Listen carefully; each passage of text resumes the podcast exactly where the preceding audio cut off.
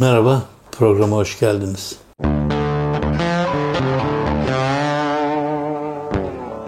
Evet, e, bugün e, size iki diziden bahsedeceğim. Bir tanesi son günlerde çok konuşulan Kulüp dizisi. İlk altı bölümünü e, izledim.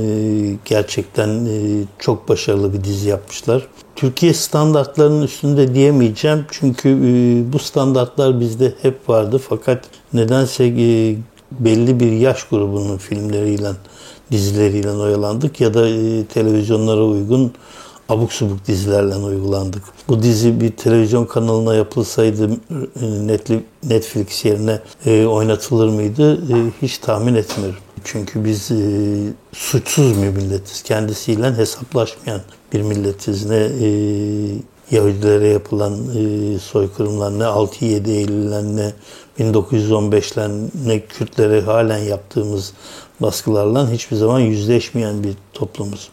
Bu e, olacak mı? Mutlaka bir gün olacak. Çünkü e, bu yeni nesiller e, dünyaya değişik bakıyorlar. Türkiye'ye değil sadece. Daha doğrusu dünyaya çok iyi baktıklarından Türkiye'ye de değişik bakıyorlar. Kendi e, ne yalan söyleyeyim sosyalist hareketimizde de e, hep yanılgılarla devam ettik e, ve neden çözümsüz olduğunu, neden bir noktaya ulaşamadığımızı hiç anlayamadık.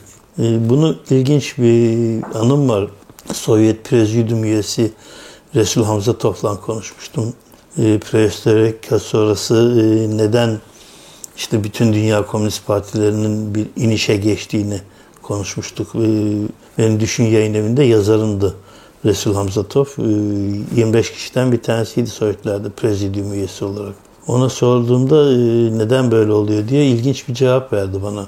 Biz Sovyetler Birliği Komünist Partisi olarak bir karar alıyoruz. Herkes aynı şeyi söylüyor. Halbuki herkesin coğrafyası farklı, sosyal yapısı farklı, coğrafyası farklı, sınırları farklı. Hepsinin değişik kararlar alması gerekirken SBKP'nin aldığı kararların hepsini uygulamak üzere bir karar alıyorlardı. Bu da e, ciddi yanlışlara neden oluyordu dedi. SBKP gidince tabii karar alma kendi başımıza kaldı. Bütün dünyada böyle oldu ve hiç hazırlıksız yakalandığımız için bu şekilde. Sadece bu değil tabii işte Küba'yı örnek almak, Çin'i örnek almak, Vietnam'ı örnek almak, Ho Ho Ho Chi Minh, işte daha fazla Vietnam yoksa işte Che Guevara. Halbuki Türkiye sınır komşuları olarak zaten ilginç bir ülke ve zor bir ülke. Yani bir tarafınız o dönemde komünist ülkelerle ilgili şey bağlantılı, bir tarafınız Orta Doğu il, ilkelliğin e, en üst düzeylerinden bir tanesi ve siz Avrupalı olmaya çalışıyorsunuz.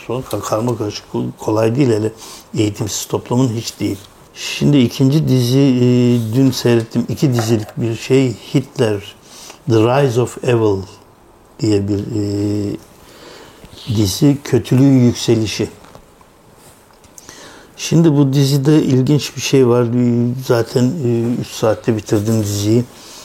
Fritz Michael Gerlich. Michael diye mi okunuyor Almanlarda bilemiyorum. Michael benim esas okuma tarzım Fritz Michael Gerlich. Bu kişi muhafazakar sosyalist birisi ve gazeteci. Hitler döneminin önemli gazetecilerinden, önemli muhaliflerinden bir tanesi. E, Hitler biliyorsunuz işte tutuklanıyor, e, mahkemeye çıkıyor. Mahkemede onu izleyen gazetecilerden bir tanesi ve şok olarak eve gidiyor. Kapının anahtarını e, yani kapıyı açacak öyle bir sinirli ve öyle bir elleri eli ayağı titriyor ki kapıyı açamıyor anahtar bükülüyor. O sırada eşi geliyor. Eşi kapıyı açıyor ve sinirli haline daha kapıyı açmıyor daha doğrusu kapının önünde birbirlerine sarılıyorlar. E, Sophie ile e, Michael, Fritz Michael ve e, nem var diyor. Ondan sonra cevabı çok ilginç ve o konuşmayı, e, dizideki konuşmayı anlatacağım size. Belki bir takım şeyleri anımsatıyordur. Neyin var deyince o psikopatın vatan hainliğiyle suçlanacağından emindim. Ama onu alkışladılar. Onu alkışladılar Sophie. Hitler mahkeme salonunda istediği her şeyi aldı. Alman ulusunu arkasına aldı ve halkı ona inanıyor. Yargıç bile etkilendi. Bu daha başlangıç. Neyin başlangıcı diye soruyor Sophie. Değişimin. Onu gördüm. O bir insan değil.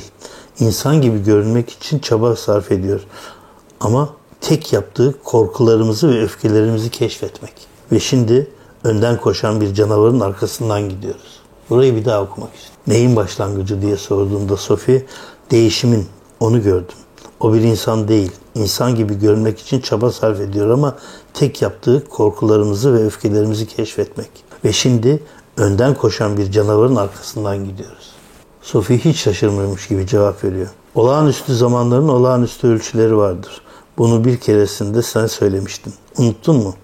Şimdi birbirimize her zamankinden fazla güvenmek zorundayız. Bunun işe yaramayacağını sana söylemiştim. Gel içeri sana bir şeyler hazırlayayım. Kapıyı açmak üzereyken Fritz Michael karısına sarılıyor, öpüyor ve teşekkürler deyip gidiyor. Ondan sonra e,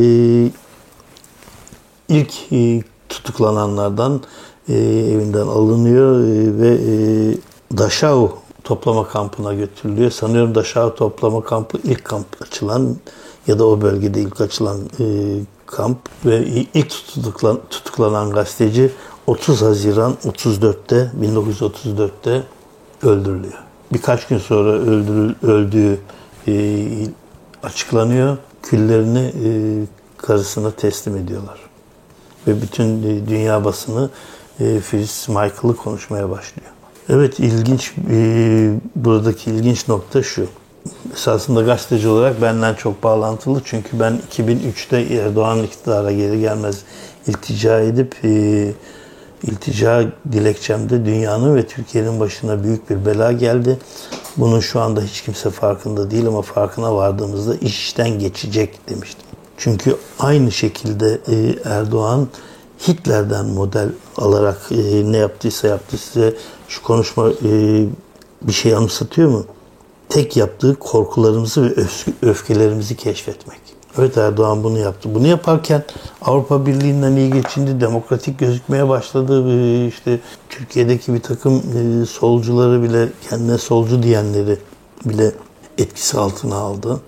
Ve birçok seçimi bu şekilde kazandı. Onların yazılarıyla kazandı. Tamam şu anda o insanlar e, Erdoğan'ın yanında değil ama olay böyle gelişti. Erdoğan halkın korkularını ve öfkelerini beraber buldu. Halkın korkusu din üzerine tartışmaktı. Öfkesi de dininin hep e, bir şekilde sömürüldüğüydü. Yasaklandıydı. Sömürüldüğünden çok yasaklandıydı. Oysa ben iddia ediyorum din Türkiye'de her zaman bir tabu olarak kaldı. Sosyalistler, Marksistler yani hepsi için söylemiyorum hepsinin olması mümkün değil ama ateistler ateistliklerini gizlediler. Kürtler Kürtlerini gizlediler. Şimdi belki kızacaksınız ama Yaşar Kemal'in Kürt olduğunu ne zaman öğrendiniz? Ruhi Ermeni asıllı bir Vanlı olduğunu ne zaman öğrendiniz? Ruhi bunu gençliğinde açıkladı mı? Yaşar Kemal açıkladı mı? Yaşar Kemal'in lakabı şimdi herkes diyor ki Kürt Kemal'di. Hayır, Kör Kemal'di. Yani ben çocukluğumda bildiğim Kör Kemal'di. Hatta amcasının oğlu Ramazan, onun da tek gözü yoktu. O da yayıncıydı, Kör Ramazan'dı. Nazım Hikmet'in ve e, Rıfat Ilgaz'ın kitaplarını yayınlardı. Ve bunlar e, bir dönemde herkesin bildiği. Ramazan'ın da ikisinin de Kör Ramazan ve Kör Yaşar'dı lakapları. Evet biz bir, bir sürü şey gizledik e, ve e, dini de tabu olarak gördük. Yani aman onları üzmeyelim. Üzle, üzmeyelimin perde arkası esasında aman biz kendimizi açıklamayalımdı. Dine saygı duymak ayrı bir şey. Ateist olduğunu açıklamak ayrı bir şey. Sovyetler Birliği'nde, daha doğrusu Rusya'da devrim olmasının bir nedeni, nedeni de budur esasında. Herkes İngiltere ve Almanya'da beklerken Rusya'da devrim olmasının nedenlerinden bir tanesi yazarlarının e, çok önemli romanlar yazıp işte ateist olduklarını açıklamaları, devrim romanlarını yazmaları, onların ciddi bir itici gücü var Rusya'da. Yoksa Rusya sanayi ülkesi falan değil yani birden devrim olacağı kimsenin aklına gelmiyor. Ha, buradan tabii Türkiye'de devrim olacak mı? Hayır mümkün değil. Yani en azından bir 100 yıl Türkiye'de devrim olması mümkün değil. Sosyal devletler zaten kapitalizm devriminin önünü bir anda e, kesmiş durumda. Yani bir sosyalist olarak benim Fransız işçi sınıfına biraz daha iyi sosyal haklar dışında söyleyeceğim çok fazla bir şey yok. Yani e, sosyal devletin verdiği imkanlar ve bu e, sosyalizme karşı bir mücadelenin eseridir. E, durup dururken e, bunu yapmadılar. İşsizlik parasını, sağlık parasını, çocukların eğitim parasını falan filan bunların hepsinin bir amacı vardı. Sosyalizmde biz ne söylediysek bunları yaptılar. Hatta Avrupa Birliği'nde işte e, sınırlar kaldırıldı. Sınırsız bir dünya. Komünizm oydu. Esasında komünist devlet hemen hemen hiç kurulmadı. Hepsi sosyalistti. Dünyanın e, hepsinin sosyalist olması lazım ki sınırsız ve askersiz bir komünizme doğru gidilsin. E, gerçekten ütopya, gerçekten çok zor bir şey. Savaşsız bir dünya gerçekten çok zor bir şey. Buna nereye kadar katlanacağız bilemiyorum. Yani en azından ben yaşadığım sürece, çocuklarım yaşadığı sürece savaş bitmeyecek. Kapitalizmin en büyük e, gereksinim olan şey savaş. Bu sadece silah sanayinin meselesi değil. Savaş birçok şeyi beraber beraberinde getiriyor. Birçok şeyi e, beraberinde tüketimi açıyor. O yüzden savaş dönemlerinde çok daha kapitalizm para kazanıyor, emperyalizm para kazanıyor. Yani Türkiye'de e, bunları yapmak istedi ama e, artık e, çok zor. Evet, e, o bir insan değil, insan gibi görünmek için çok sarf çaba sarf ediyor ama demek işte aynen Erdoğan'ın Türkiye'ye yaşattığı bu oldu. Tabii Erdoğan bundan sonra mahkemeye çıkar mı çıkmaz mı? Aynen iktidara gelmeden önce e, Hitler de e, yargılanıyor. Aynı durumdalar. Hiçbir şey değişmiyor. Sanki bilerek bir kurgulanmış, bir hapishaneye düşmüş, bir kendisini bir e, oradan ilah gibi çık, çıkmış insan olarak baktığımızda Hitler'in çıkışı da böyle.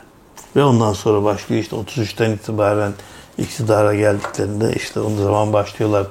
Ee, ben bunun tabelalarla e, bir programını yapmıştım. Bir daha yapmak istiyorum sizler için çünkü e, o program e, yok oldu. Bulamıyoruz onu. Bir Artı TV'de bir ceza almıştık. Onunla beraber hepsi silindi gitti. Arşivlemediğim için pişmanım tabii. O zaman televizyonun acemilerindendim. Onu arşivlemedim ama Berlin'e gittiğimde o programı tekrar çekmek istiyorum. Müthiş bir şey. Tabelalardan bir mahalleyi olduğu gibi yapmışlar. İşte Yahudilerin artık saat kaçta alışveriş edeceğinden tutun da e, aklınıza ne geliyorsa hepsi var. Ya da onun kitapçığı var bende o tabelaların kitapçığı var. Onlarla ilgili e, gitmeden de bir program fotoğraflarını koyarak yapabilirim. Hepsini çevirip anlatabilirim size. Çok uzun bir işlem olacak ama yaparız onu. Evet, bir programın daha sonuna geldik. İşte e, bu iki dizi çok önemli. Umarım e, Hitler için çok yapıldı ama Hitler, bu, bu, bu dizide göreceksiniz Hitler'in çocukluğu. Okuduğumuz Erdoğan'ın çocukluğundan aynı. Babalar aynı. Babalar aynı felaket bir şekilde. Birinin e, işte ressam olması, sanat üzerine düşkünlüğü, Hitler'in yerinin futbol üzerine düşkünlüğü. Tabii sanat ikisinde bir beceriksizliği var yani yoksa hani diyorlar ya çok iyiydi ama işte e, babası engelledi futbolunu diye. Hayır e, ne kadar kötü bir baba olursa olsun Fenerbahçe'nin transfer parasına o e, ekonomik durumdaki insanların hayır diyeceğini sanmıyorum. Aynen öyle şey için de geçerli, Hitler için de geçerli. Sen bu bölümün öğrencisi değilsin diye kovuluyor resim okulundan, akademiden ya da. Bütün o çocukluğun büyümesini e, izlediğiniz zaman ilk 20 dakika, 25 dakika gençliği aynısını görüyorsun kadar mı benzer Almanya ve Türkiye? Ve e, Türk şey Alman vatandaşlığı sonradan veriliyor. Kendisine soruyor Alman mısın diye. Muhalifler tarafından hayır diyor. Aynı işte birisi de Gürcü. Gürcülükten gelmiş e, Kürtçülük yapıyor şu anda. Ya bunu küçümsemek için söylemiyorum. Sadece benzerliği ortaya koymak için söylüyorum. Çünkü şuna eminim ki e, Türkiye dışından göç edenlerin de daha fazla milliyetçi ve ülkücü olduklarını biliyorum. Bunu Çerkezler, Abazalar, işte bu Bulgaristan'dan gelenler, Tatarlar daha fazla onların içindeler. Velican Oduncu'yu biliyorum. Velican Oduncu'nun adını unutmayın fotoğrafına girin internetten. Karşınıza bir Tatar çıkıyor. Yedi kişiyi öldürmüş ve sıkıldıkça komünist öldürmek için dışarı çıkıyorduk diyen birisi. Evet, bir programın daha sonuna geldik. Bir dahaki programda görüşmek üzere.